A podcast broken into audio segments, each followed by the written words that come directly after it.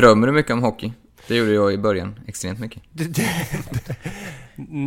Då ska vi se. Nej, faktiskt nej. inte. Jag... Nej, inga, inga drömmar än. Det är Fast lite Karlavagnen-feeling alltså... i den här podden. Vad drömmer du om? Vad drömde du om då? Jag hade ju mycket så här, du vet, att man inte... Det är väl klassiskt. Att jag inte kom ut till spel liksom. Tröjan satt åt fel håll, benskinnet ah. gick aldrig tejp. Alltså, så här, det var lite... Det var nog mer förknippat med ångest liksom. Okej. Okay. Man kom, eh. aldrig, kom aldrig ut på isen. Och gjorde rätt sak. Nej, nej inte än. Men det är kanske... Hur länge var det? Var det liksom direkt efter eller? Nej, ja det kan fortfarande komma då och då. Ja. Men eh, det var nog ganska direkt efter. Så. Mm. Har du pratat med någon? nej, jag pratar med dig och Mårten nu. Nej men någon, eh, snart är råttet mogat alltså. Persson! Lägger på blå för loppen, kommer skjuta, fintar skott, spelar pucken höger istället, Davidsson skjuter, man lever över returen! Skottläge kommer där! Kan jag få låna micken? I mål! Hur skjuter karln? Hur skjuter han? Jag kan bara säga att det där är inget skott faktiskt Lasse, det där är någonting annat. Det där är liksom, han skickar på den där pucken så jag nästan tycker synd om pucken. Den grinar när han drar till den. Utan Fröbo var målvakt! Kan jag få låna micken? Kolla! Poff! En allvarligt talad Blake Bork håller på med hockey i 600 år! Kan jag få låna micken? SHL-podden från Betsson är detta. Jag som pratar heter Mårten Bergman. Och innan vi pratar om någonting annat så vill jag pusha lite för vår Instagram, SHL-podden. Ni får jättegärna in och följa där. Eh, och ni kan också prenumerera på podden så riskerar eh, inte ni att ni missar något avsnitt och vi riskerar inte heller att ni missar något avsnitt utan vi blir superglada. Idag är det lite speciell sättning här ska ni veta, för jag kommer börja med att säga hej Arla! Tjena Mårten! Hur mår du? Ja men alldeles lysande. Det är en underbar höstdag, solnedgången här precis utanför så kan inte vara annat än glad. Och eh, lurarna är intakta, du har ju fått eh, många tummar upp på vår Insta för dina luriga ja. rosa hörlurar. Jajamän, de sviker jag inte för de, för de går sönder. Nej, vilket det... väl är på gång i och för sig. Men... ja, vi kanske redan är där. Eh, och jag brukar ju aldrig hälsa på dig först, men anledningen till det är att jag har ingen Fimpen med mig i studion. Jag har ingen eh, Jocke med mig i studion. De är i Växjö, eller mellan Växjö och Oskarshamn just nu. De har, Fimpen har nämligen spelat tennis tillsammans med Jonas Björkman mot Robert Rosén och Viktor Fast. Hur det går kommer ni få se någon gång i ja, början på nästa år tror jag, om ni kan hålla er till dess. Ehm, men det, jag har en annan person i studion som nu ska liksom fylla två luckor då. Ehm, och vi gillar ju före detta hockeyspelare här så därför har vi bjudit hit eh, Nils Andersson. Välkommen! Stort tack! Vill du eh, eh bjuda på en sån sörpel från kaffet så att vi kommer i Karlavang-stämning? Klockan är 04.00 och med oss har vi Annika som vill prata om... ja, vad vill hon prata om? Ja. Virkande förmodligen. Ja, ja eh, hur är läget med dig?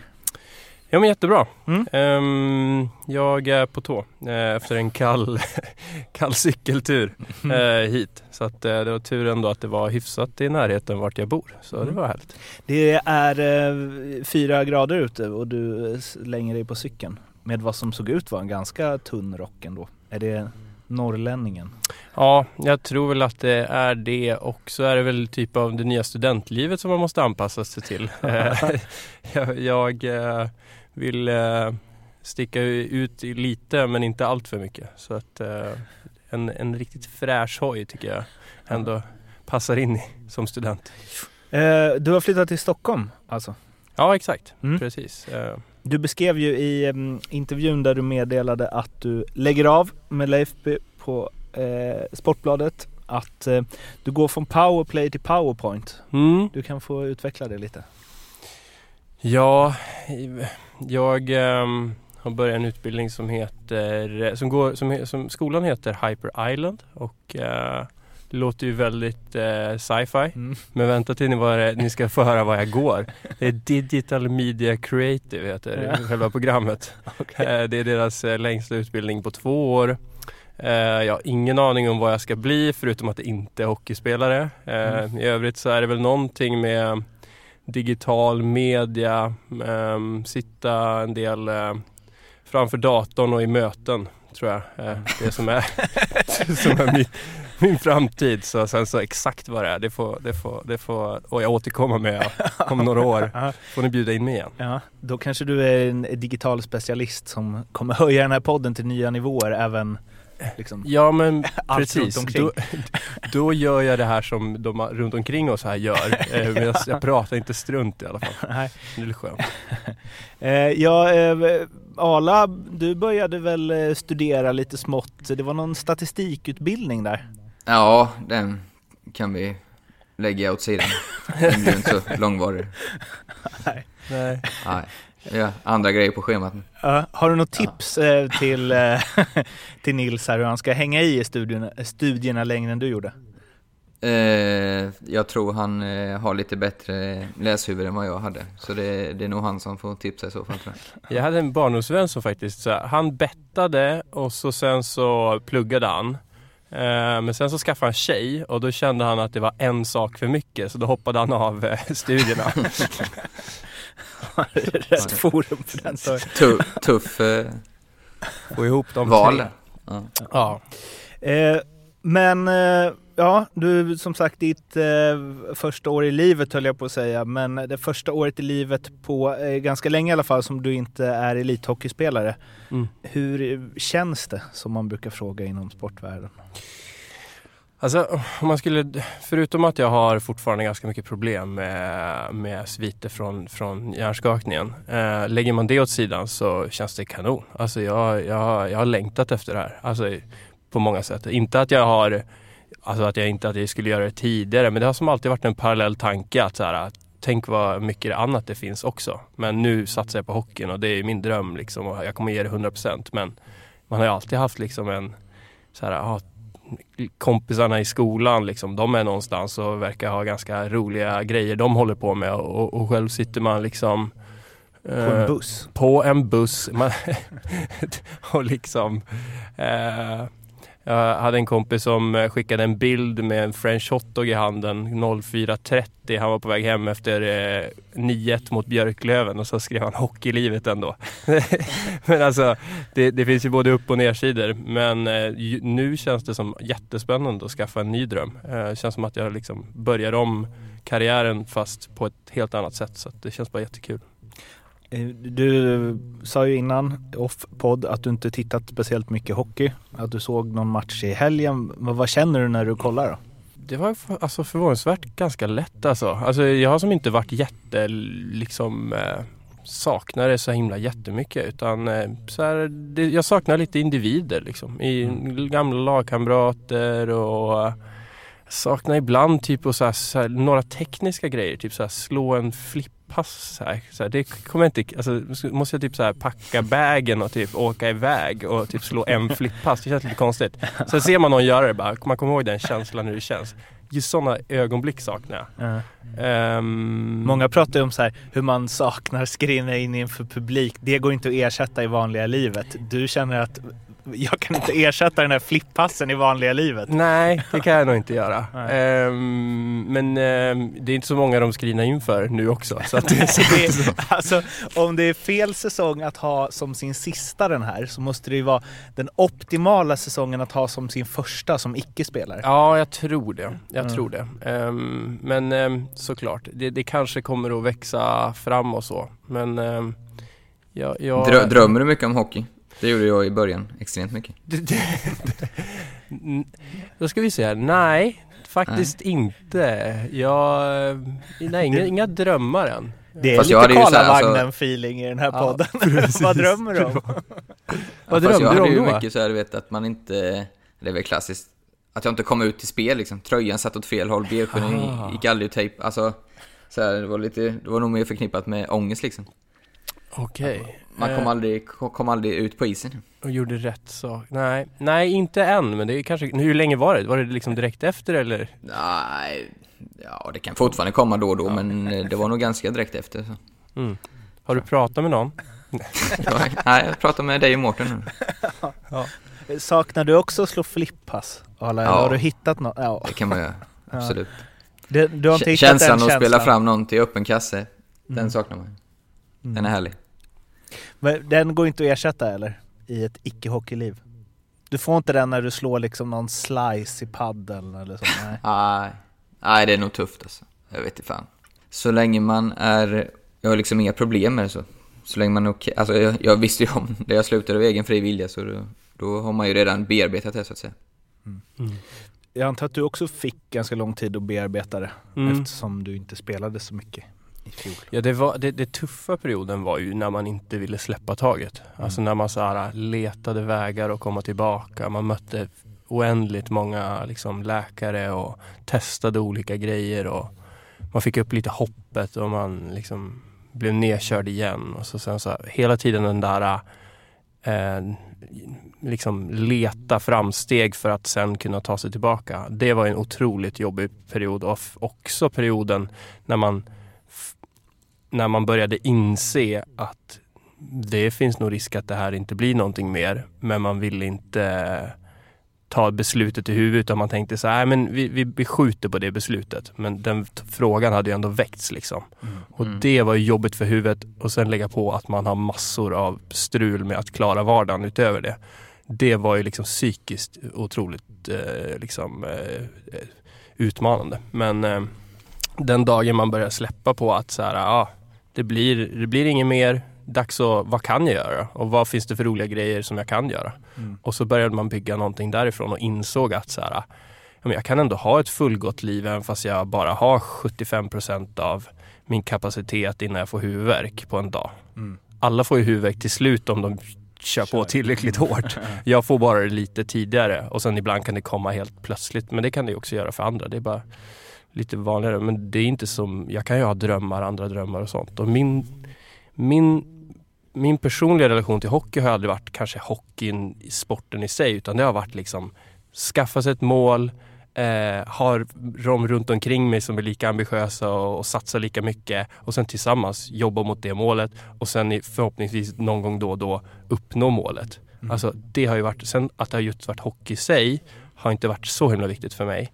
Och det tror jag har gjort lite enklare att jag kan komma till, något, till, till nästa steg tror jag. Eh, ingenting är rätt eller fel. Eh, det är bara hur det har varit för mig tänker jag. Mm. När bestämde du att så här, det här, nu, jag kommer inte spela mer hockey?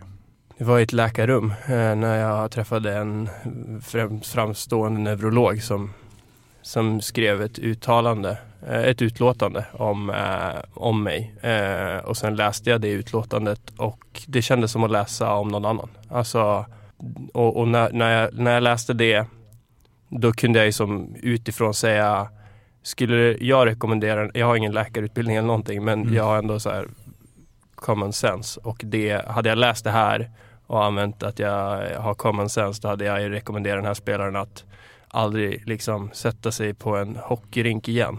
Mm. Och eh, det var ju det liksom som gjorde det ganska enkelt. Alltså det, för mina anhöriga också, alltså mm. de runt omkring. De vill ju inte vara liksom brorsa med en grönsak. Nej. Hur, eh, nej, nej, det räcker väl med en nudde till så kan det vara... Ja, det är det som är det läskiga för mig men också för många andra och så. Men eh, det var en nudd nu som gav så här stora konsekvenser. Eh, och då finns det, som, det finns så mycket mer att eh, hålla på med. Mm. Jag vet att du sagt någon gång när vi snackade att så här, eh, ja, men man, man tar ofta upp liksom huvudtacklingar, det är det som får fokus för alltså fula tacklingar. Mm. Men att du sa att det har hänt liksom hur många gånger som helst att man är inne och bökar lite och mm. sen så är det någon som nuddar en maxen i huvudet, det svartnar till i en sekund och så ruskar man lite på sig och sen kör man. Mm. Ja, till och med så här på träning. Någon så kan vara bästa polaren liksom som, mm. som bara så här, jag vet inte, hamnar lite fel i en situation och så i, i, försöker undvika den men man själv inte är beredd på den och så sen så bara det är just det att man inte är beredd på den. För jag har ju ofta undrat hur liksom boxare och, och MMA-fighters klarar av att ta så mycket stryk och så vi hockeyspelare ibland får liksom hjärnskakning för ingenting känns det som. Mm. Och, och, min erfarenhet som jag hade det är när jag är lite beredd på den. Och, när jag, och då, det krävs så liten kraft om du inte har hunnit spänna till. Mm. Eh, Och tittar man så här i slow motion så blir det inte riktigt rättvist heller för att det går ju så otroligt fort och du, och du har ofta blicken på någonting som händer där borta. I boxningsringen så har du ju inte blicken på någon i läktaren utan du, har ju, du vet att det, du är spänd på något sätt. Och det, det ska du ju vara i hockey också men ofta så de farligaste smällarna jag har, eller de, de flesta så här små smällarna, det är för att jag inte har någon aning att de kommer. Mm. Känner du igen det Arla? Ja, men det har vi ju också pratat om att det är ju de... När vi har pratat fula tacklingar så är det ju de här som... Eh, som eh, utförs när mottagaren inte har en aning. När han kanske spelat iväg så pucken slappnar av eller åker och tittar ett, ett annat håll, man kommer in som tredje gubbe eller sådana. Det är det vi har... Så det har vi ju varit tydliga med, absolut. Hinner man spänna sig så är det ju 99 fall av 100 så går det ju bra. Och därför så tänker jag ju liksom när man, när man då mäter hur, hur vi jobbar mot det här bättre. Räknar vi hur många avstängningar det blir och blir det mindre avstängningar, då har vi gjort ett jättebra jobb mot huvudskador. Och för mig så här, det kan vara 40 miljoner avstängningar. Men eh, om det är liksom noll avstängningar och 40 miljoner hjärnskakningar, det är liksom, då tar det ut sig. Det handlar om antalet hjärnskakningar mm. för mig. Alltså, jag bryr mig inte om hur många avstängningar, om det går upp eller ner. Jag bryr mig om hur många hjärnskakningar det blir i, mm. i ligan. Hur många hade du innan den här? Alltså, vi, vi, jag hade de, de, egentligen de som enda som är värda att nämna är egentligen de här två som jag hade senaste eh, på, under ett års tid här i HV. Det var mm. de som, som, som gjorde störst eh, avtryck. Mm. Men det, det, var de som liksom, jag fick när jag kom till HV eh, ganska liksom där i början och den var, den var ganska kraftig reaktion från den. Och det var också en otroligt hård smäll. Eh, och sen så fick jag en väldigt liten sådär ett år senare eller så. Eh, liten smäll men som gav eh, ännu kraftigare reaktioner. Så att det var ganska tydligt att det var på väg åt fel håll där. Eh, Eh. Ni som lyssnar på den här podden är ju vana vid att det är eh, tjo och kim och kanske tänker vad, vad seriösa ni är. Men vi ska vara det ett litet tag till. Sen blir det tjo och kim av bara ja, men, helvete. Jag vet, men, men, jag är också sådär, väldigt, jag försöker se det positivt och glatt och jag skämtar ofta liksom om jag gör något fel. Då kan jag alltid skylla på att jag är hjärnskadad. Liksom. Så om jag glömmer någonting. Jag har så världens bästa förklaring till alla fel jag gör. Ja, det är bra när man pluggar. Ja, det är otroligt bra. Men eh, hur, eh, för att hålla kvar vid det seriösa lite, hur, hur påverkar det dig i eh, Alltså, eller så här, hur mår man när man har, man har ju hört liksom alla möjliga stories, folk som har legat i ett eh, mm. mörkt rum i tre veckor eh, mm. och också liksom som blir deprimerade. Det var väl Anton Grundel som snackade om mm. liksom hur illa han mådde. Hur har det varit för dig liksom? Jag kan egentligen bara prata för mig själv även fast jag vet att det är väldigt olika. Det är det som är lite så lurigt att det är väldigt många olika reaktioner på hur man hanterar det. För mig var det så att jag hade ju eh, huvudvärk som en effekt av stimmig miljö eh, och liksom höga ljud, många konversationer samtidigt, många intryck. När sinnena fick jobba högt, då fick jag huvudvärk väldigt, väldigt fort. Och jag tror att alla kan relatera till att om man är på Leos lekland så får man huvudvärk efter ett mm. tag. Men för mig var liksom bara ett lugnt fikarum som Leos lekland och Leos lekland hade jag aldrig liksom gått in i. Och sen får jag samma symptom som man får liksom, som alla andra får. Jag får huvudvärk, jag vill ligga ner, jag vill ha det tyst. Eh, jag tycker att saker och ting och sen det innebär att jag tycker att mycket är mycket tyngre än vad det egentligen ska vara. Mm. Alltså leva livet en dag med den här typen av huvudvärk, det är inga problem. En vecka börjar inte vara något problem. Men sen när det här pågår under lång tid och du inte kan liksom sköta ditt vardagssysslor. Ja men då kan du inte, då slutar du sköta dina relationer. Du kan obviously inte sköta ditt jobb som hockeyspelare. Utan huvudvärk, om du inte kan sköta dina relationer eller ditt jobb, vad gör det med ditt psyke? Det, den går ju liksom rakt ner i källaren. Och då utöver det, hantera det med att du har huvudvärk. Mm. Det är det som blir liksom en ond spiral, att du får flera saker som en bieffekt av huvudvärken. Um, så det är det jag tror många försöker uttrycka i varför det är tufft och varför de har haft ett helvete. Att det, det, det liksom byggs på. Mm. Men i starten är det ofta egentligen bara att du får huvudvärk. eh, eller du har fått få lite yrsel. Mm. Eh, och det, det, är ju ja, det, det, det, är både jätteallvarligt men det är egentligen inte så stor grej. Och som eh, idag, ja, jag, just nu har jag liksom huvudvärk men jag klarar av att göra det här. Mm. Men sen ikväll, då kommer jag kanske inte kunna ringa och prata eh, med mamma i två timmar utan då kanske det blir bara att liksom lyssna på radio i någon låg volym mm. eller liksom ta det väldigt lugnt mm. eh, och så. Och det, det är så mitt liv är. Vet man om det kommer bli bättre? Um, nej, det okay. vet man inte. Nej, utan det... det... det kan vara kroniskt och det kan bli bättre. Uh, och det är också sådär en insikt man får efter ett tag. Hela, det är också något som är väldigt jobbigt och man måste lära sig hantera på något sätt. Kommer jag hela tiden försöka se förbättringar mm. då kommer jag också bli otroligt besviken när det inte sker de här förbättringarna eller när man tror att det har blivit bättre och man går tillbaka.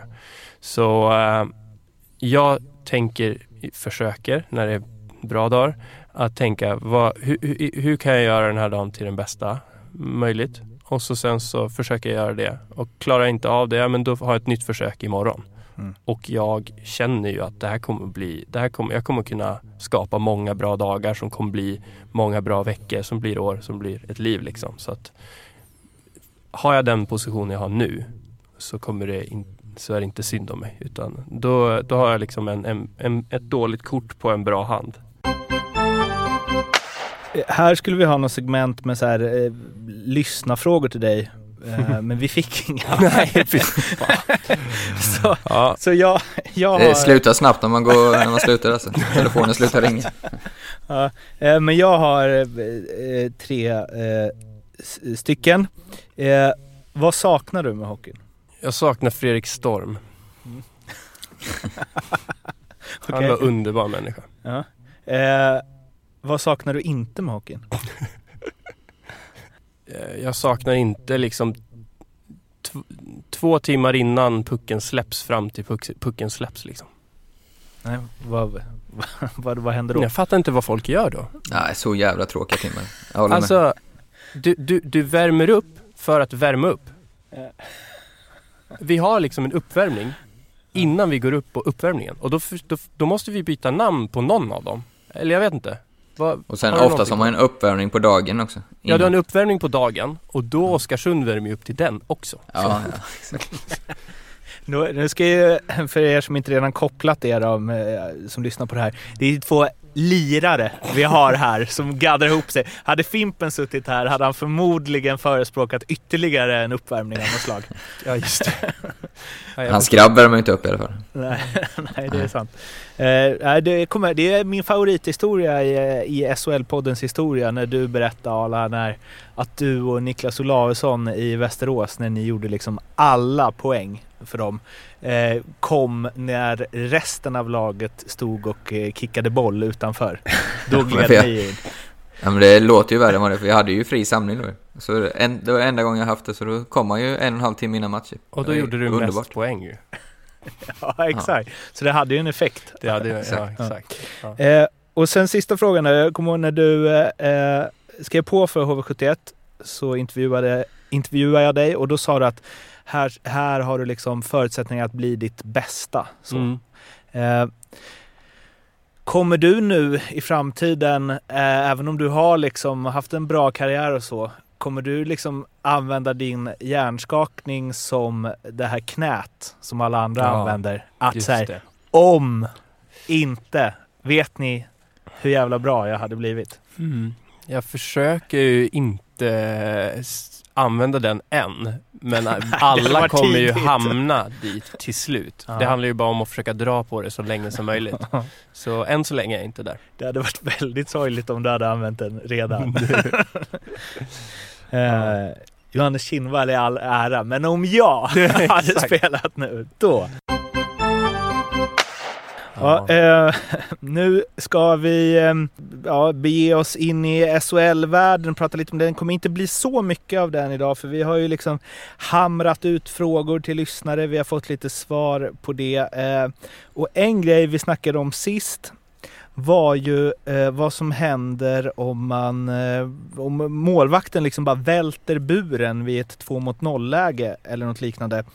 Folk har skickat på Instagram eh, en juniormålvakt där motståndaren kommer 3 mot 0. Han vänder sig om stressat och skickar buren i backen och vi har fått ett svar på vad som händer men eh, Eder programledare har slarvat bort det svaret och jag tror inte det var från någon domare. Det såg gissande ut. Så vi vet inte riktigt vad, eh, vad som händer då. Straff borde det bli. Har vi ja, inte och, överens om det? Jo men straff, men det kan ju inte räcka. Det var väl det vi pratade om, att så här, tre det är, jag, han, Möjligt att målvakten får ett personligt straff, men jag tror inte, jag tror inte han får liksom så fem minuter, det är svårt Jag tror det blir straff och möjligtvis kanske matchstraff, misconduct eller något sånt kanske. Men jag tror inte det blir fem mot fyra i fem minuter. För tre mot noll är ju mycket bättre än straff. Det beror på vilka som kommer tre mot noll. Så sant. Otroligt klokt. Ett av de jag stör mig mest på i ishockey, när de kommer två mot noll och puckföraren åker nästan ända fram till målvakten och sen slår han passen så den som får den har ingen vinkel och målvakten har läst passen och så får man skit för att man missar två mot noll. Släpp pucken tidigare så har man alternativet spela tillbaka till öppen kasse eller skjuta själv. Tänk på det. Eller hur Nisse? Har du med mig nu? 100 procent. Uh, exakt, ja, jag har ingenting att tillägga. Man såg också att dina ögon, så här, att du inte riktigt, har jag någon gång kommit två mot noll? Nej, men jag har släppt till två mot noll. och då vet jag vad man inte vill att motståndarna ska göra. Ja, precis. Um, sen så var det det här med eh, att Fimpen hade eh, suttit i sekretariatet under någon match och eh, fått order om att sätta upp sju minuter på eh, jumbotronen. Eh, det kanske inte var någon jumbotron i den arenan, men eh, hur många utvisningar man kan få riktigt. Eh, och eh, fick ett svar på eh, Instagram om det där från Magnus Lindberg. Och han skrev eh, följande. Jag har varit i utvisningspåsen med hela mitt powerplay. en gång. vadå, vadå hela ditt powerplay? Med alla som du spelar powerplay? Ja exakt, vi mötte Aha. Leksand och så tog de ut alla i Leksand och alla oss. Men vi var en, alltså vi var en mer, så vi, det var hela vårt powerplay och hela deras boxplay i varsitt bås. Så vi passade ju på att snacka asmycket powerplay inför nästa bara tog fram taktiktavlan. Utan att coachen skulle vara störa Ja, fan. Äntligen en frizon. Men hur eh, får man plats fem? Nej det blev tight, men vi hade Andy Mili, han var väldigt liten så det var perfekt. okay. eh, men eh, ja, det här kommer jag ihåg tror mm. jag. Eh, Bibicharna va? Mm. Bibicharna och sen hade ni någon eh, typ slovak eller något. Ka, eh, kap, kal, var det inte det? Mm, no. Kapus, ja. Som mm. var, för ni hade precis, nej. Han kände inte, alltså jag borde ändå veta vilka spelare Nej okej, okay, jag kanske blandar ihop det här. Men det har varit någon sån incident ah, okay, i... Ja. Skitsamma. Magnus Lindberg skriver, hej! Eh, ni pratade i senaste avsnittet om att det var möjligt för en spelare att få sju minuters utvisning. Och det är fullt möjligt. Du kan få 5 plus 2, då åker 7 minuter upp på klockan med 5 minuter först och därefter 2 minuter. En ersättare sitter av båda straffen. Ja, men det som var här var väl att det var 7 minuter på klockan och då fick vi också en tweet från Niklas Dahlberg med en printscreen från 2018 då Visby-Romas J20 mötte Nyköpings Dito. Eh, och då fick Visby-Roma 9 minuters powerplay på en motståndarspelare. Han fick 5 plus 2 plus 2 plus 20. Carlos Quevedo. Han försökte bara slå rekord. men eh, det låter inte rimligt. Vadå ni? Du kan inte få Ja, men jag tänker om du har en, om du har en, en high sticking till exempel, två på två på armen och sen blåser han av och sen efter avblåsningen så ger, ger du någon ett yxhugg i magen. Då, mm. kanske, då får du två plus två för high stickingen och så fem minuter matcha. Och då står det nio på tavlan? Ja, det borde du göra. Men, Men det är bara de här fem minuterna är ju att om du är i mål så blir det fortfarande powerplay för motståndaren. Så sen blir det ju... Det var väl det Magnus menade med att först kommer femman upp och sen två mm. minuter. Som en vanlig utvisning. Men eh, ja, det här känns som man skulle haft stats här, men det kan vi ju bara slänga vidare till honom. Jag har många grejer jag ska slänga vidare till honom nu när han inte är med för andra veckan i rad. Hur länge kan man ha powerplay? Eh, Carlos Quevedo undrar ni förstås vad han gör nu för tiden. Han heter by the way Carlos Quevedo. Eh, vad heter den där klubben du spelar i Schweiz, Arla? Bil. Exakt. Så heter han. Det stavas så också. Han kanske höll på dem Eller hans föräldrar kanske gjorde det. Eh, men han har ju en uh, fantastisk karriär. Spanjor. Han uh, inledde i Ron, Ron ah, ursäkta min franska, men deras eh, U18-lag. Spelade sen i FOPS och Ilves och Kove i Finland i sex, fem år. Drog över till USA, två år på Robert Morris University. Där började han göra lite landskamper för Spanien också. Tillbaks till Spanien, CG Pulgerda. Och sen förstås, nästa naturliga steg i det här, Nyköpings eh, HF och Nyköping Gripen i Hockeyettan. Och nu är han i Vigbyholms IK om han fortfarande spelar, för det är hans senaste klubb.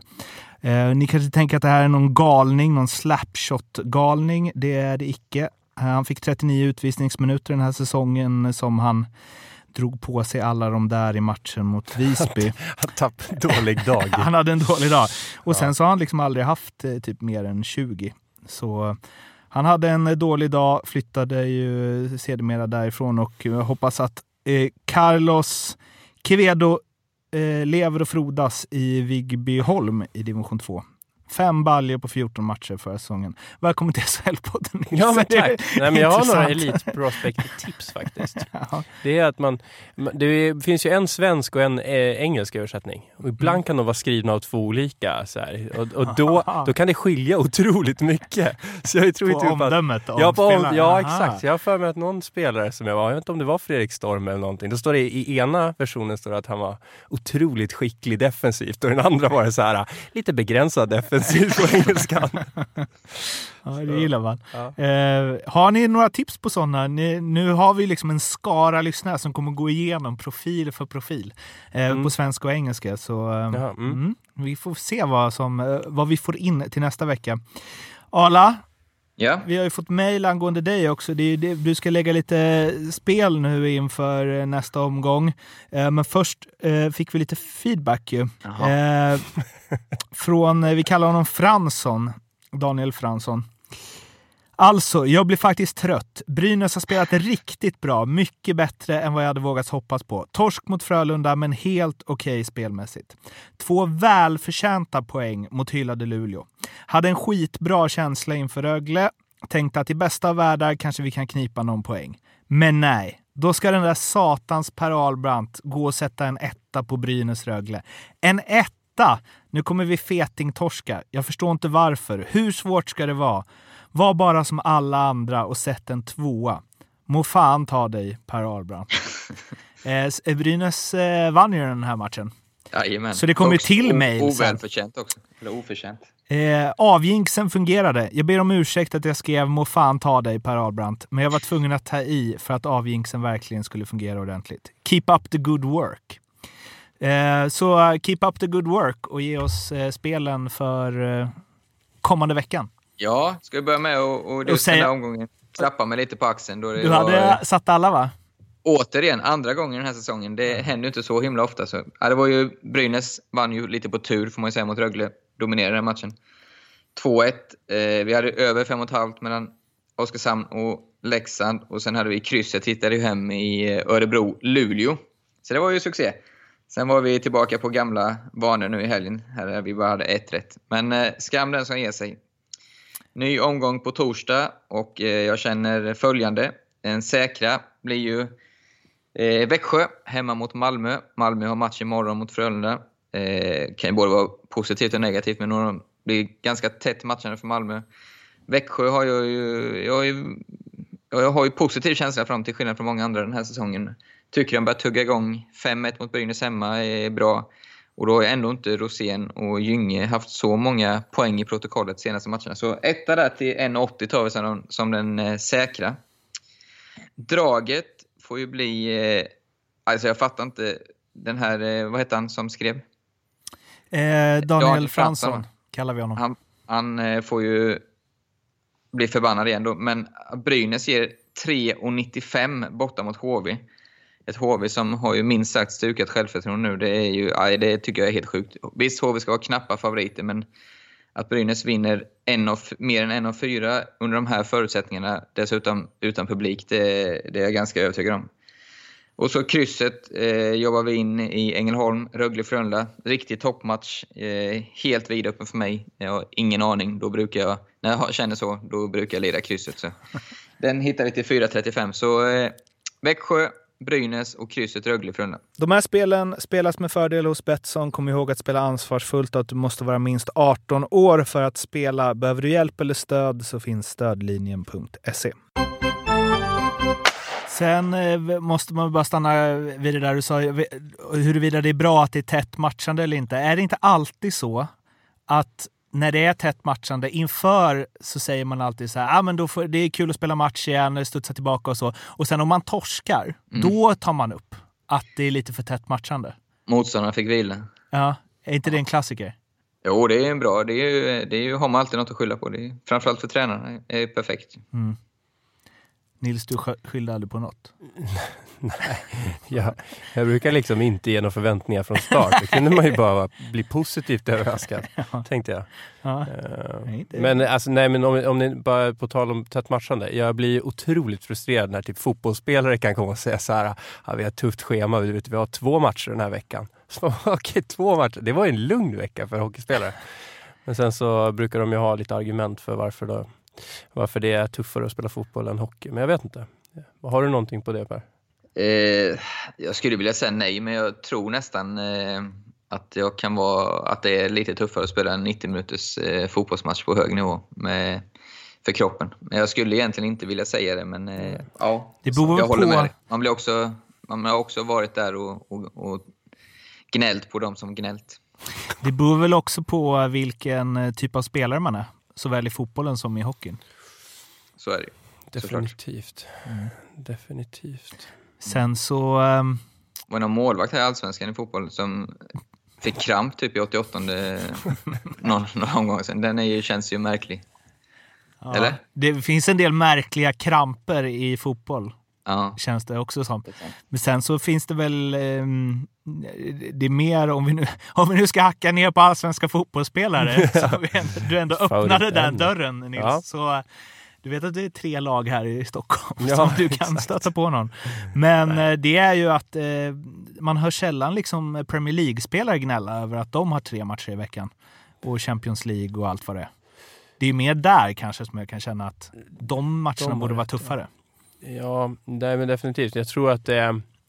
Sällan NHL-spelare heller. Nej, det skulle ju vara kul att se hur det skulle gå om, om de fick spela liksom tre matcher i veckan, fotbollsspelare. Då, det skulle ju bara så dra ner tempot och de skulle vara, typ, så ha lite, behöva bredare trupp och fler skadade och allting. Mm. Men det är ju som, eh, ja, jag vet inte om man har rätt och Jag tycker de, det är mycket liv om att det är så tufft med mycket matcher. Det är svårt att inte bli provocerad.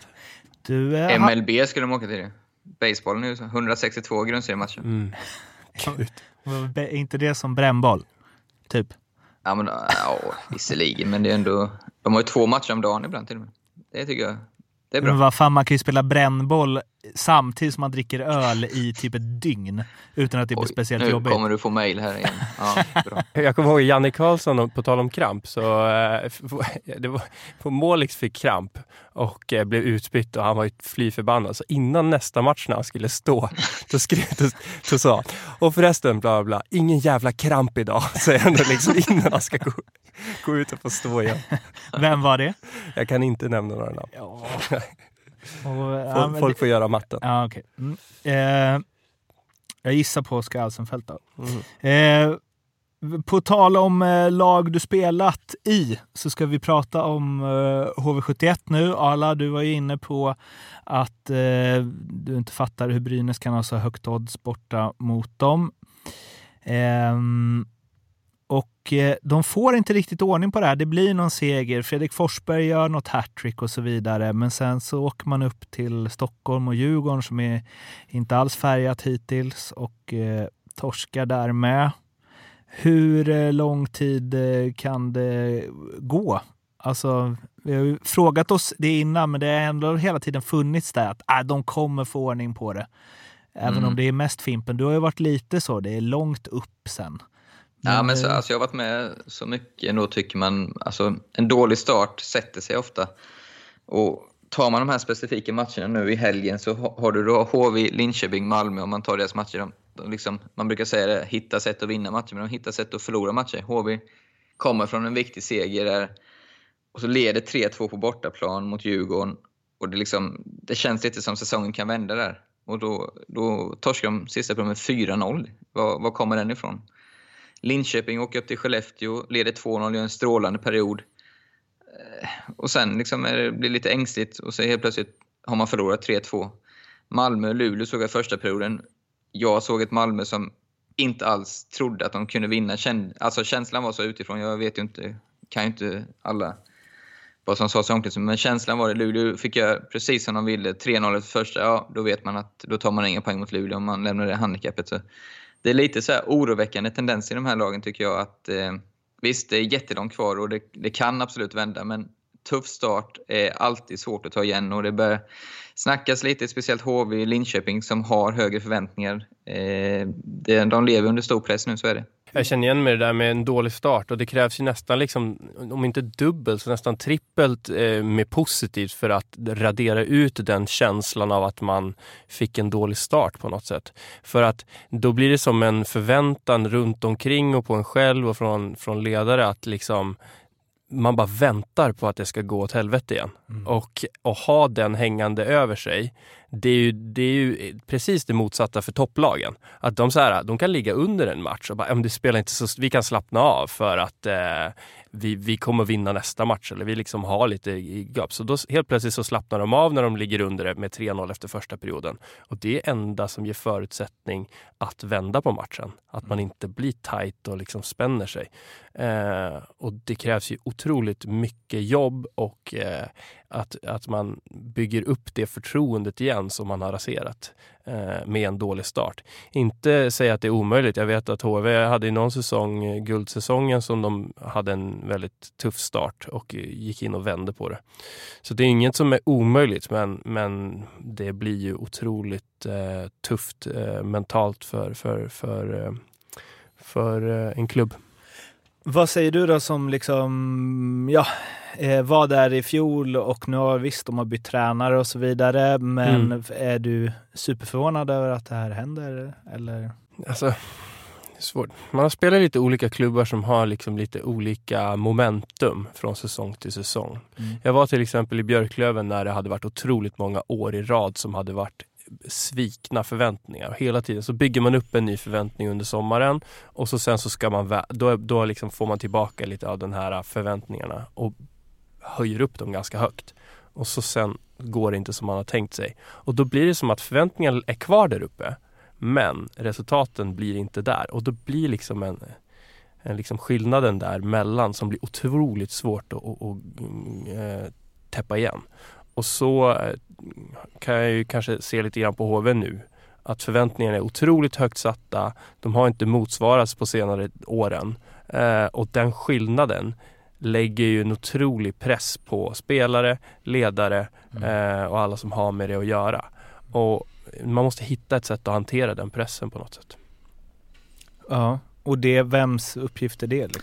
Ja, ja det, jag håller fullständigt med det. Det är den här eh, som, som jag har varit inne på innan, att folk som inte spelar kanske har svårt att lite greppa hur, hur stark den pressen kan vara om man är i en toppklubb och har den här förväntningarna på sig och det inte går som man vill. Det, vardagen blir rätt tuff helt plötsligt. Eh, såklart skillnad på individ till individ, men, men ser du överlag så, så mår de flesta lite, lite halvdåligt nästan. Eh, inte dygnet runt, men i alla fall Eh, ganska många timmar om dagen. Eh, man ligger och grubblar och sådär. Så det, vem, vem det är ansvarig, ja det är ju tillsammans kan man få den här tillsammans, vi mot världen, få den känslan i gruppen, få en liten vändning, kanske ha någon, att du vänder en match och avgör i sista minuten. Alltså det krävs ganska små eh, grejer som kan hända som att svetsa ihop en grupp, men du kan Svaret på frågan är att du måste vända tillsammans, du måste gå samman som grupp, annars är det helt omöjligt att om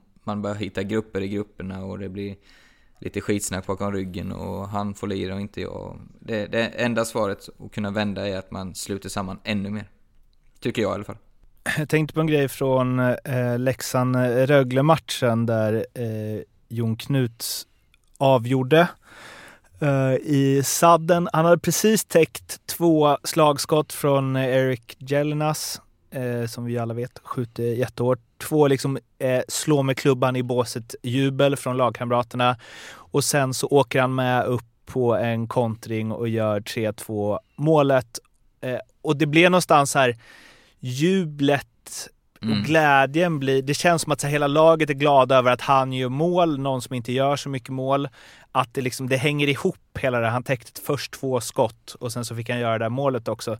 Eh, och då tänkte jag lite så här, för att jag vill också att det ska gå bra för Leksand förstås. Men så här, vad betyder sånt för ett lag och kan, sån, kan såna grejer, säg att det hade varit HV, kan sånt liksom vända på en negativ trend till och med? Alltså det här att så här, eh, moralen och mm. att man, alltså... Ja, jag skulle vilja säga ja. Att så här, det, är ögon, det är väldigt filmatiskt ja, ja. och det är ögonblicket som bara ändrar allt. Eh, jag vet inte, jag får testa det. Men jag, jag, jag, jag, tror inte helt att det är så. Eh, de gånger det har vänt för mig eh, i lag, då är det ofta någon typ av lagdel som bara vänder på den här tuffa situationen och helt plötsligt ser det som en utmaning eller så något positivt. Till exempel kan det vara ett powerplay som bara går ihop och bara får det att stämma och sen så säger de, liksom visar med sitt kroppsspråk att idag så, eh, så när vi går ut så är det liksom vi som, ni kan lita på oss. Vi kommer göra tre mål idag. Bara ni inte alltså, gör helt värdelöst resterande delen. Ni kan fucka upp lite grann, men bara inte totalt. För att vi har Oskar Alsefelt i mål. Ja. Det är en sån exempel på han. Alltså ja. om det är någon jag skulle vilja ha i ett lag som går tufft så är det han. För att han helt plötsligt kan vända en sån grej till en utmaning. Ja. Alltså här, det finns ingen annan mål, nu kanske jag hänger ut men han kan, han kan få en tanke liksom att det, det, jag ska bevisa att den här otroligt situationen, svåra situationen jag står inför. Mm. Jag ska visa att jag kan vara den mentalt tuffaste här och vända det här. Ja. Och så går han in och vänder det. Eh, och liksom ha sådana karaktärer i laget som, som, som helt plötsligt vänder det här och som Per säger, ligger hemma och grubblar. Och det gör man ju. Så det är otrolig press. att lägga på att man har så mycket matcher och hela tiden är, är fysiskt pressad mm. blir en dubbel känsla. Någonstans att man hittar någon del som vänder på det. Det kan vara en, alltså en stark ledare, några starka individer som, som tar på sig ansvar. Eh, inte tycka synd om sig själv eh, går ut och tar det. Och, alltså det är otroligt svårt. Eh, och eh, att göra det tillsammans också. Är det ett powerplay som går ihop, då går de fem ihop och liksom ser till att göra sin uppgift otroligt bra. Mm. Eh, den delen kommer liksom skapa den här helhetskänslan att liksom stå bakom, stå bakom oss. Vi, vi är ett lag liksom. Vi, vi tar tag i det här. Man kan ju Sen se... Är, angående Leksand också, det är lite så här eh, kanske låter konstigt, men jag, jag, tror just det här med lagsammanhang, för alla vet Jon Knuts, ja, han ska döda utvisningar, han ska spela fjärde och ska spela det spelet. Eh, alla vet att nästa match, spelar ingen roll att han gjorde det här, han kommer fortfarande vara samma roll. För i Leksand är det så otroligt inpräntat eh, vilka gubbar som ska göra vad. Så, alltså den glädjen, ja, den blir ju monumental när han får göra det. Skulle du göra så i HV till exempel, något annat lag där, där eh, inte, det är många krigar om samma istid liksom. Då kanske, det låter sjukt, men att någon kanske inte, eller ett par, inte gläds med den spelaren lika mycket för att då vet han, fan nu kanske han tar min istid. Det låter cyniskt, men det kan vara så, det kan vara en fördel med att ha så inruta, eh, eller alltså att rollerna är så tydligt fördelade innan säsongen. Samtidigt som det är klart det är bra med konkurrens, bla bla bla, men just för att få det här, just i den här situationen så menar jag på att alla vet så väl att ja, men Jon Knuts, han kommer, han kommer göra sin roll till 100% nästan. Han förväntar sig inte att han ska spela PP för han gjorde den här underbara bytet liksom. Jag håller med till 100%. Eh, konkurrens i ett lag som går lite troll i, mm. det, det kan vara alltså, nästan jobbigt. För att mm. spela i ett lag där både laget går dåligt och du själv går dåligt, då börjar du, alltså, då, då börjar du verkligen grubbla i, ett, i, ett, i ett lag som bara rullar på och går bra och man tar en öl en tisdag, då är det bra att det är någon liksom mm. som säger att det kan du inte göra utan för då tar den här personen din plats och då kanske du får lite mindre tid där du vill spela. Eh, så det, det, är också någonting att tänka på när man bygger ett lag. Mm. Eh, som jag tror att många skulle kunna lägga på i, i sin repertoar, de som bygger lag. Men var, har ni varit med om att en lagkamrat gjort ett viktigt mål och ni känt så här, mm, fan att det var han? som gjorde det målet. Oj. Hur ärlig ska man vara? Hur ärlig ska man vara? Jätteärlig, det är bara vi Nej, här. inte, inte, klart inte så här om det är ett superviktigt mål, men absolut att man har känt så här att i vissa situationer, om man inte känner sig trygg i sin roll, lite det jag vill komma, att eh, man har, man har sin speltid och man känner förtroende från tränaren, då är det ju vissa, alltså klart att det inte är superbra för en själv om de spelarna som konkurrerar om samma grejer gör eh, superbra matcher. Så är det ju. Jag tror att man kan, ja, ja, jag håller med. Jag tror att man kan, man, man klarar av att ha två känslor samtidigt. Mm. Alltså, man kan bli glad för den personen, för troligtvis så tycker man om den personen som lagkamrat och man är glad för den. Och sen så går man till sig, vad inne, börjar man fundera, vad innebär det här för mig själv? Och jag kommer inte vara glad för min situation om jag inte får spela den här eh, tiden som jag, som jag vill. Och det där i målet innebär att jag får spela mindre än jag vill. Och då har man ju båda de två känslorna och då börjar man ju liksom så här, man vill ju gärna välja 100% och vara 100% god och välja liksom bara glädjas åt andra. Och det försöker man ju göra. Och man, man, man visar ju ingenting utåt utan man för, liksom, men det är ju inget, det är klart att man blir, blir besviken för att man, det innebär att jag, eh, min, min personliga situation blir sämre och i längden så uh, så står du ju med dig själv eh, när du står utan, utan kontrakt under sommaren. Eh, och eh, Ja, jäkligt, jäkligt bra uttryckt. Eh, och det är jäkligt tuffa frågor det här, men det är ju samtidigt för de lagen som ska bli framgångsrika så är det ju viktigt att våga ta i sådana här ämnen. För det är, ja men som du säger, när vi är på den här nivån vi har varit och vi pratar om så det handlar ju också om mycket, alltså säga vad man vill, men det handlar om mycket pengar och kontrakt och bla bla bla. Så det, det är klart de känslorna kommer. Så enkelt är det. ja, ja, ja, jag, håller med och det kan också vara dra upp alltså, barnen från dagis de, och frun har jobb som Mm. trivs jättebra och om inte du gör dina 25, 30, 35 poäng då får du inte du vara kvar och då ska du gå hem och berätta för din fru att nej men det jobb som du älskar här i den här staden tyvärr pappa har spelat lite, pappa får inte spela eh, så mycket som han behöver för att göra de här poängen så att eh, vi kommer att lämna så förklara det för barnen liksom. De där it adds up den pressen. Eh, och då önskar man att man hela tiden valde att vara liksom en god och superbra människa som bara kan glädjas åt alla andra hela tiden. Och det är de flesta, men det finns en underliggande oro som ibland kan stjäla energi. Också så här, eh, och anledningen till det är för att din kompis pappa ska spela istället. Ja, och de, de bra lagen, de som har gått liksom bara som ett tåg och sånt, då har man ju fått en sån känsla. Ja. Jag spelade med Jens Olsson i Malmö. Vi hjälpte varandra jättemycket och nu när jag slutade fick jag ett skitfint sms och han sa liksom att det vi hade där då vi hjälpte varandra, även fast vi konkurrerade om samma plats. Och det gjorde att båda faktiskt lyckades. Mm. Det var liksom eh, någonting som han kom ihåg och när han skrev det så jag håller ju med exakt samma. Kan man få till det, även om inte vi var jättebra, så här, superbra vänner vid sidan av. Men vi, vi, vi, vi satte det ganska tidigt att så här, vi, det är otroligt tajt om speltid här. Vi vet inte vem som ska få det nu. Så det kan vara med liksom, också liksom tydliga roller och, och, och bilda lag och sådär. Det kan vara en del som man kanske behöver tänka på i start. Mm. Ehm, Jag tänker på när jag pratade med Kristoffer Nilstorp en gång som sa, han pratade så fint om liksom hans relation med Oskar Alsenfelt och deras här vänskap att de hängde skitmycket utanför planen. Då sa han att det är enda gången han har gjort det med en Mm. målvaktskollega för att han bara visst man kämpar tillsammans och man så här men och det är väl ännu mer målvakter kan jag tänka mig. Ja, bara, men vi det slåss som samma jobb. Det går liksom inte att vara polare. Nej. Ehm, Nej, och det var ju de, de, de säkert hade personligheterna på plats för att klara av det. Mm. Och sen vet jag att båda är jätte, liksom, fina människor. Så att eh, får man till det, då tror jag att det kan bli någonting väldigt positivt med konkurrens och sparring. mm. Får man till det andra, då är det någonting, kan bli något väldigt destruktivt och negativt. Så att man får vara försiktig och veta vad, vilka man har att göra med. Nu får du ursäkta Torpet om du lyssnar på det här och jag citerar dig fel. Men jag för mig att han sa att eh, det är enda gången under karriären som han stått i båset och eh, liksom den målvakt som spelar för hans lag håller nollan eller vinner matchen att han kände 100% bara Ja. glädje och att jag unnar dig det här till tusen. Att mm. annars om man, så finns det alltid en liten så här, mm, han kommer stå nästa också. Mm. Exakt, men målvakten är väl till att dra det till sin yttersta spets liksom, så vad vi pratade om nyss. Så det är, det är ju inte...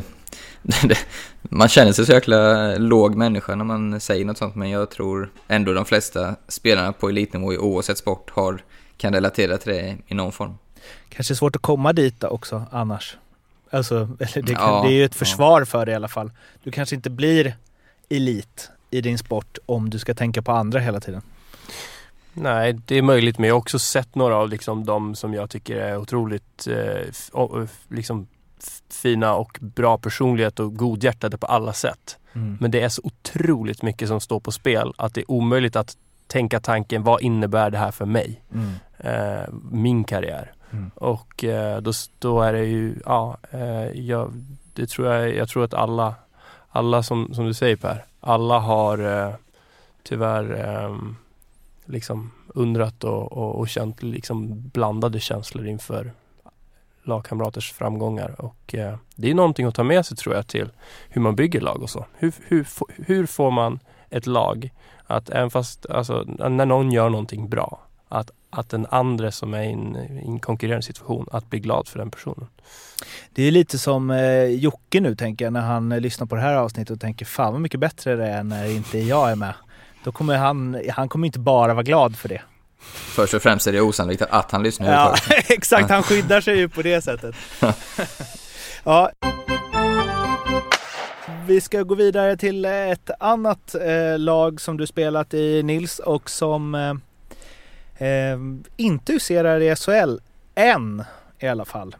Björklöven som ju gjorde en superduper säsong i fjol men då kom ju coronan lägligt eh, för de lagen som skulle eh, kvala neråt. Eh, Björklöven fick ingen chans att kvala uppåt och då var det väl lite så här okej, okay, ja det är tåget gått nu på ett tag.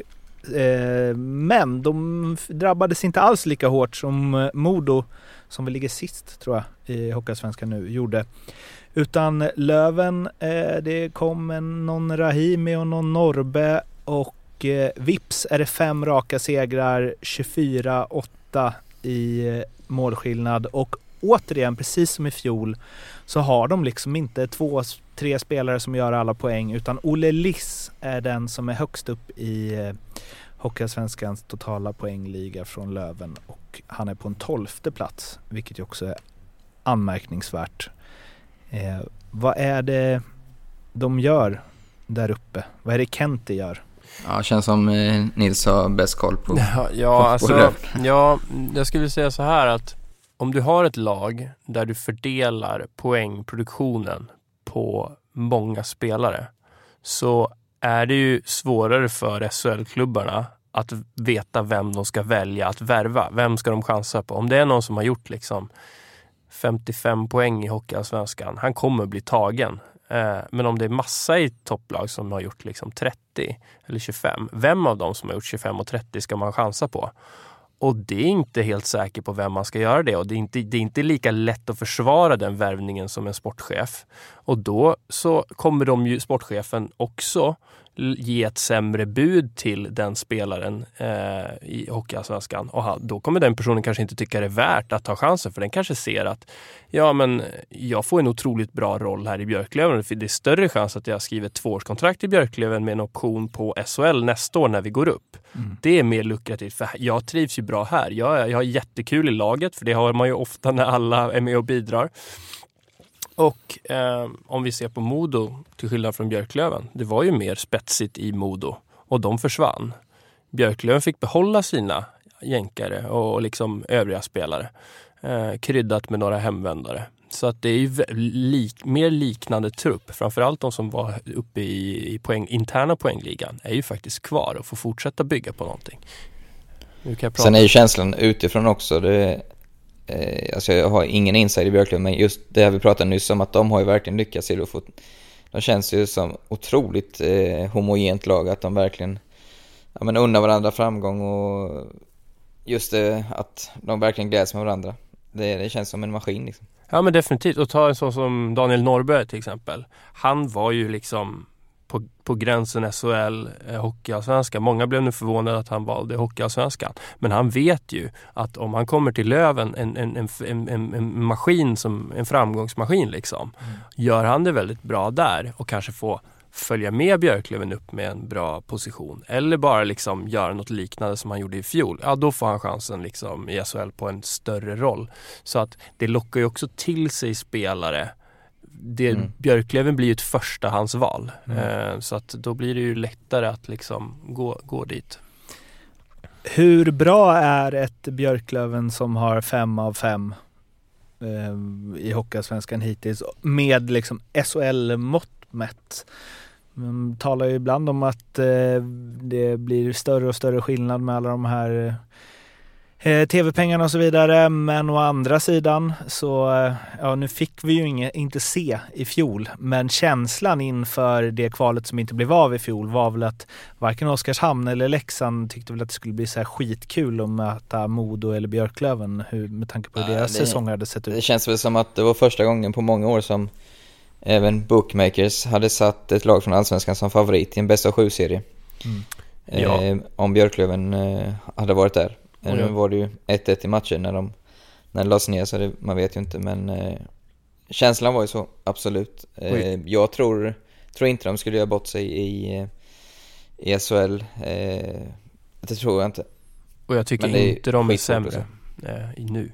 Säm, inte sämre än nu? Nej, jag, nej alltså jag, snarare om det är något håll det lutar så är det bättre. Mm. Mm. Alltså? Alltså, jag, alltså, okay. nej, alltså jag, jag, jag, jag, jag, eh, jag har inte sett tillräckligt mycket. Jag såg i slutet i fjol eh, och i några match, strömatcher och jag har sett några matcher i år. Men eh, jag tycker liksom vissa av spelarna bara liksom fortsätter utvecklas och blir ännu bättre. Eh, och sen så ehm, i och med också att det är en en bra start, en positiv eh, liksom, eh, vind som blåser i Umeå när man pratar med folk som lyfter dem och får behålla kärnan. Um, nej, det är klart att det, det, är positivt, men det är en lång väg att gå. Men det är ju en jäkla hockeystad också väl? Eller väl, det tycker ja. jag det är. Eh, under, verkar underbara fans och det är kul också i år tycker jag att, att man vet att ett lag kommer gå upp.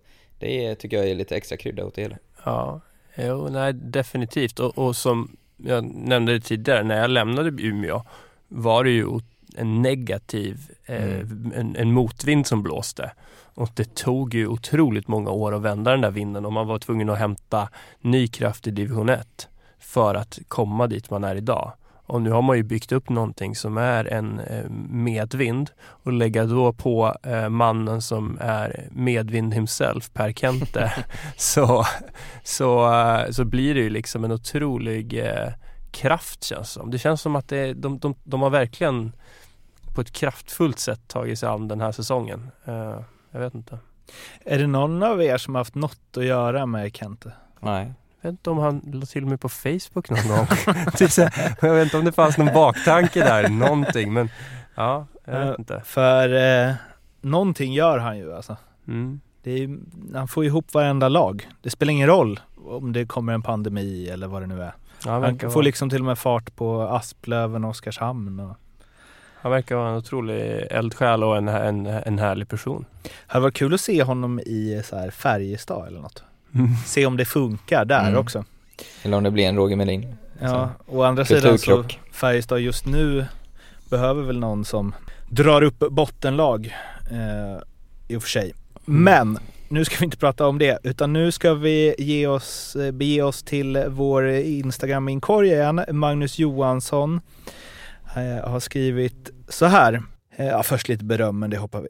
Eh, vad tycker ni eh, om eh, svensk hockey? SHL och Hockeyallsvenskan. Svensk hockey håller definitivt hög klassspel och tempomässigt tycker jag, inget snack om det. Men jag snackar om den fysiska aspekten. Allt från tacklingar till gruff med mera. Tycker att det känns helt bortblåst i de flesta matcher. Till exempel matchen där Frycklund tacklade Schelin i ryggen. Där är det inte någon, eh, vad jag kan se, som är framme och ens sätter en handske i ansiktet på honom. I mina ögon så är det ju värt att markera hyfsat hårt eh, mot, en, mot en sån tackling. Det var bara ett exempel, men det känns så avtrubbat ibland och det är nog varken domarnas eller spelarnas fel. Eh, det eh, känns som att det eh, högre makterna vill ta bort det fysiska spelet som alltid hört till hockeyn. Vad tycker och tror ni om detta? Och med högre makter så utgår jag ifrån att han inte menar eh, något religiöst utan eh, möjligtvis eh, SHL eller något förbund eller liknande. Eh, vad säger ni om Magnus tankar som jag tror delas av en och annan supporter där ute? Eh, jag kan köpa att han har en poäng i, i just i en sån situation. Skulle jag vara tränare eller lagledare eller lagkamrat så, så gillar jag ju när någon kille, om det är så uppenbar ful grej, åker dit och markerar just för att visa att man inte är ett lag som eh, tolererar vad som helst. Och sen menar inte jag göra något fult, men åker dit och tar tag i den personen och, och får lite få lite känslor helt enkelt. Sen tror jag också det blir kanske ännu svårare att göra en sån grej nu när det är tomt på läkten. Hade det varit 6000 i Tegera när den tacklingen kom så kan jag garantera att minst en läxing hade varit där och, och, och bråkat höll jag på att säga. Men just i den aspekten så kan jag ju hålla med att det tycker jag också att en lagkamrat ska stå upp, stå upp för varandra. Ja, definitivt. Um, det, är ju, det är ju liksom man, jag tycker att man får ju hitta sätt där publiken tycker alltså att det, det visas känslor och eh, på, på så sätt då ju mer taktiskt det blir och ju mer liksom lirare det blir desto, de är ju ofta impre, man är så, jag, i alla fall jag själv var väldigt fokuserad på vad jag gjorde så jag, jag, om jag släppte in de sakerna då tappade jag fokus. Och tränarna brukar ofta säga innan matcher, liksom ni som vill vara inne och gruffa för att bli bättre, ni gör det. Och ni som vill inte göra det, stäng av det och bry er inte om det. Mm. Det känns som att det blir fler och fler spelare som, mår, som spelar bäst när de stänger av, sig, stänger av det och inte bryr sig. Och blir det tillräckligt många sådana då blir det ju väldigt lite situationer. Mm. Och lägg då på att framför mål så har de ju verkligen pushat att så här, de vill inte ha något som helst gruff framför mål mm. eller snack utan det ska bort hela tiden. Jag har aldrig riktigt förstått det för det är inte där det händer några farliga skadegrejer. Mm. Men det är ofta där det liksom är känslor och för en, någon som tittar på läktaren eller någon som ser någonting, det är då det liksom väcks och då ställer sig folk upp i CV-soffan och, och, på plats. Alltså, vad gör, alltså liksom, mm. Då blir det ju liksom, det läggs in lite känslor. Eh, kan vi, men just det fysiska spelet, jag vet inte om jag tycker att jag, jag, jag, jag som hjärnskadad vet inte om jag vill ha mer fysiskt mm. spel. Mm. Alltså, men eh, jag tycker att det är farligare och mer farligt fysiskt än vad det har varit någonsin. Mm. Men eh, de här situationerna som jag tror Magnus pratar om är ju de här gruff, visa känslor, irriterat. Som, mm. Jag tycker man kan se, hur kan man hitta fler sådana situationer utan att det rinner över i, i, i liksom riktigt farliga situationer under spelets gång. Då kanske man kan hitta någon typ av mellanväg. Har du några förslag på rak arm? Alltså jag tycker dem? att det borde bli det, alltså, mer gruff framför mål. Alltså så här, backarna fick inte ens gå, åka med upp eh, framför mål om det blev. Så det blev alltid fem mot tre framför mål. Och de, de var liksom, alltså jag vet inte, sådana grejer är som... Och så fort någon liksom börjar bråka lite så är det ofta två minuter roughing innan det ens är roughing typ. Mm. Det tar, men det tror jag har att göra med att de vill inte ha så långa matcher utan man vill komprimera matcherna och ta bort alla de där grejerna som tar tid. Problemet är ju då att då tar du ju du dödar ju lite av den här äh, irritationen och, och det som många kallar för känslorna. Saknar du gruff framför mål, Alla? Inte att vara med i, men det var kul när eh, medspelarna var där. jag håller med.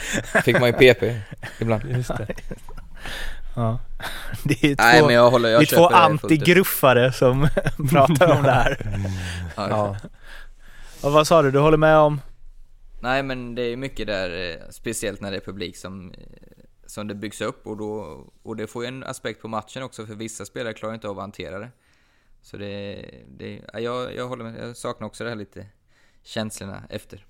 Det, inte så snabbt kanske, domarna. Det är inte ofta vi har eh, liksom kolsvart hos någon här och det är för att vi inte, sänd, vi sänder ju liksom, eh, sänder, vi spelar ju aldrig in så här sent. Men du sitter fan, det är inte, det är liksom ett ljus hos dig nu och det är från skärmen. Ja, jag sa ju att det var solnedgång när vi började. Det är ett tecken på att vi har hållit på för länge Ja, okej. Okay. Ja, det var en pik det också.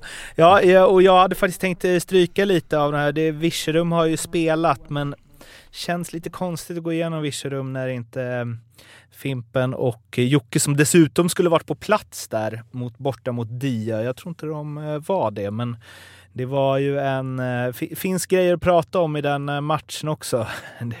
Virserum, jag tror de har 467 utvisningsminuter på de sex inledande matcherna.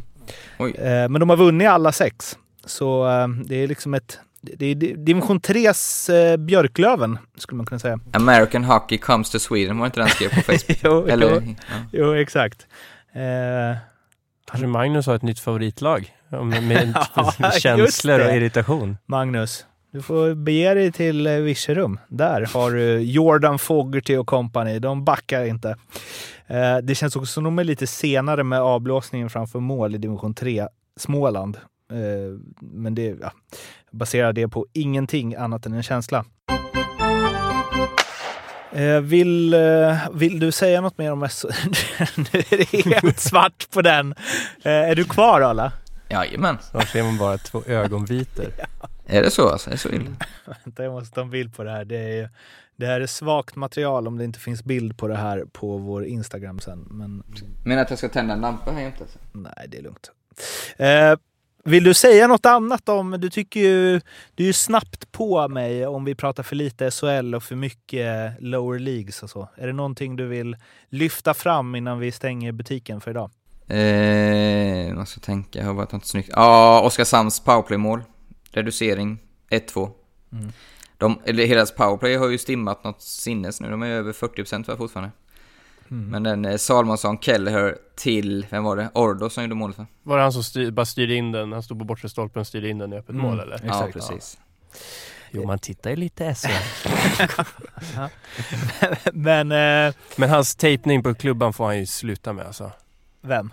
Men eh, han som står på halfwallen där. Eh, vad, vad, vad, Keller? Ja, han tejpar ju liksom sådär som sjuåringar gör med, med hela, hela, hela klubban. Tejpar han liksom.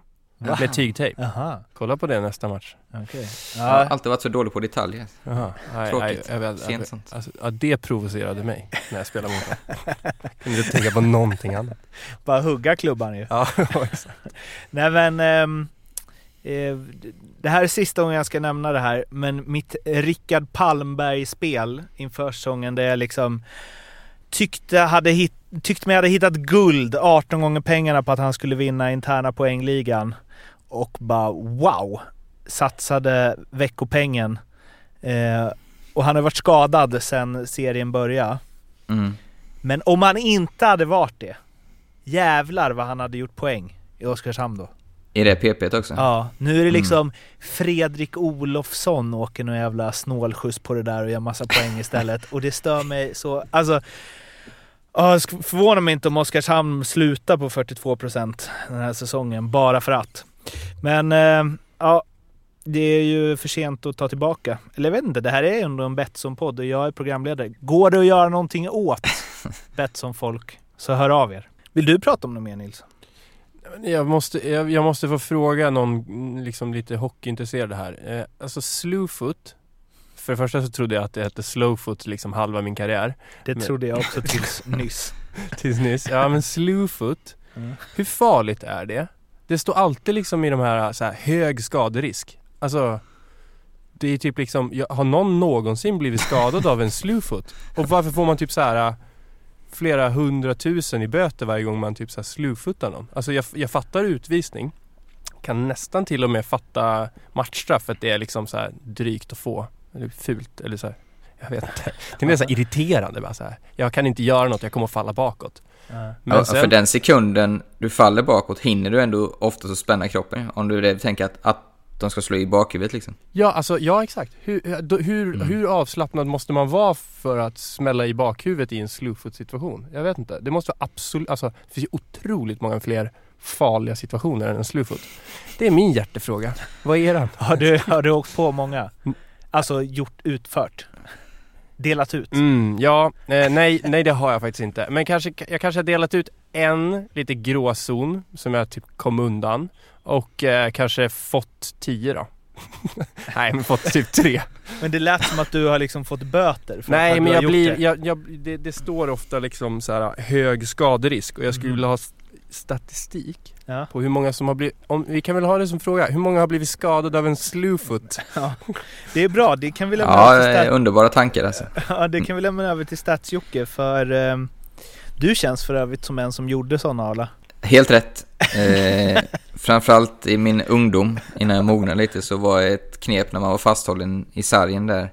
Vänta till domaren har åkt, sen tog jag tag runt bröstet och så drog de över benet och sen åkte man därifrån. Klassiker. Ja. Eh, jo, men eh, Stats-Jocke kan få kolla upp det. Han har missat två raka avsnitt nu. Det, han har också fått två bra frågor här. M. Nyqvist. Eh, borde ni inte med eh, statsjockes hjälp reda ut statistiken för powerplay som potentiellt sträcker sig över två perioder? Kan han in i arkiven och gräva? Det känns spontant som en ganska jobbig statistik att ta reda på. Därför ger vi den till honom. Och sen så har vi också Mattias Engström som undrar, eh, när Jocke är tillbaka så vore det fint att se hur många procent slashingarna har ökat med den här säsongen jämfört med tidigare. Så där har han att göra när Mm. eh, han eh, ska vara med här igen. Gräva i utvisningsarkiven. Fimpen har varit så jävla arg på alla de här slashingarna så jag måste bara, du Nils, Mm. tycker du också att det har gått för långt? Äh, äh, åt vilket håll? Att det blir så himla mycket utvisningar om man petar den på Och den slashing, klubba.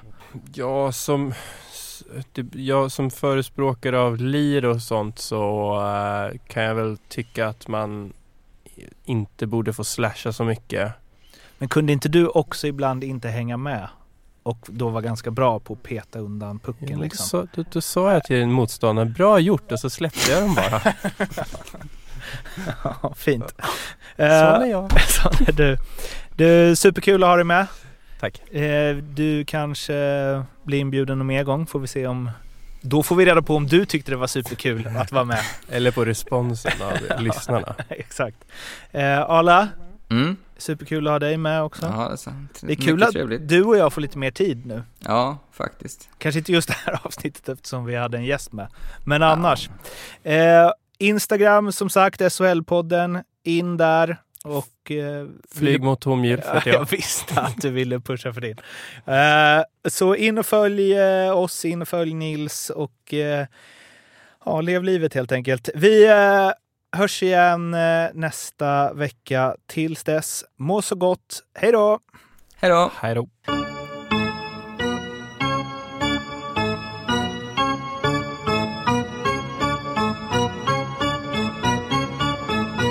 SHL-podden görs av mig, Mårten Bergman, tillsammans med Joakim Österberg för Betssons räkning och produceras tillsammans med SMT Radio.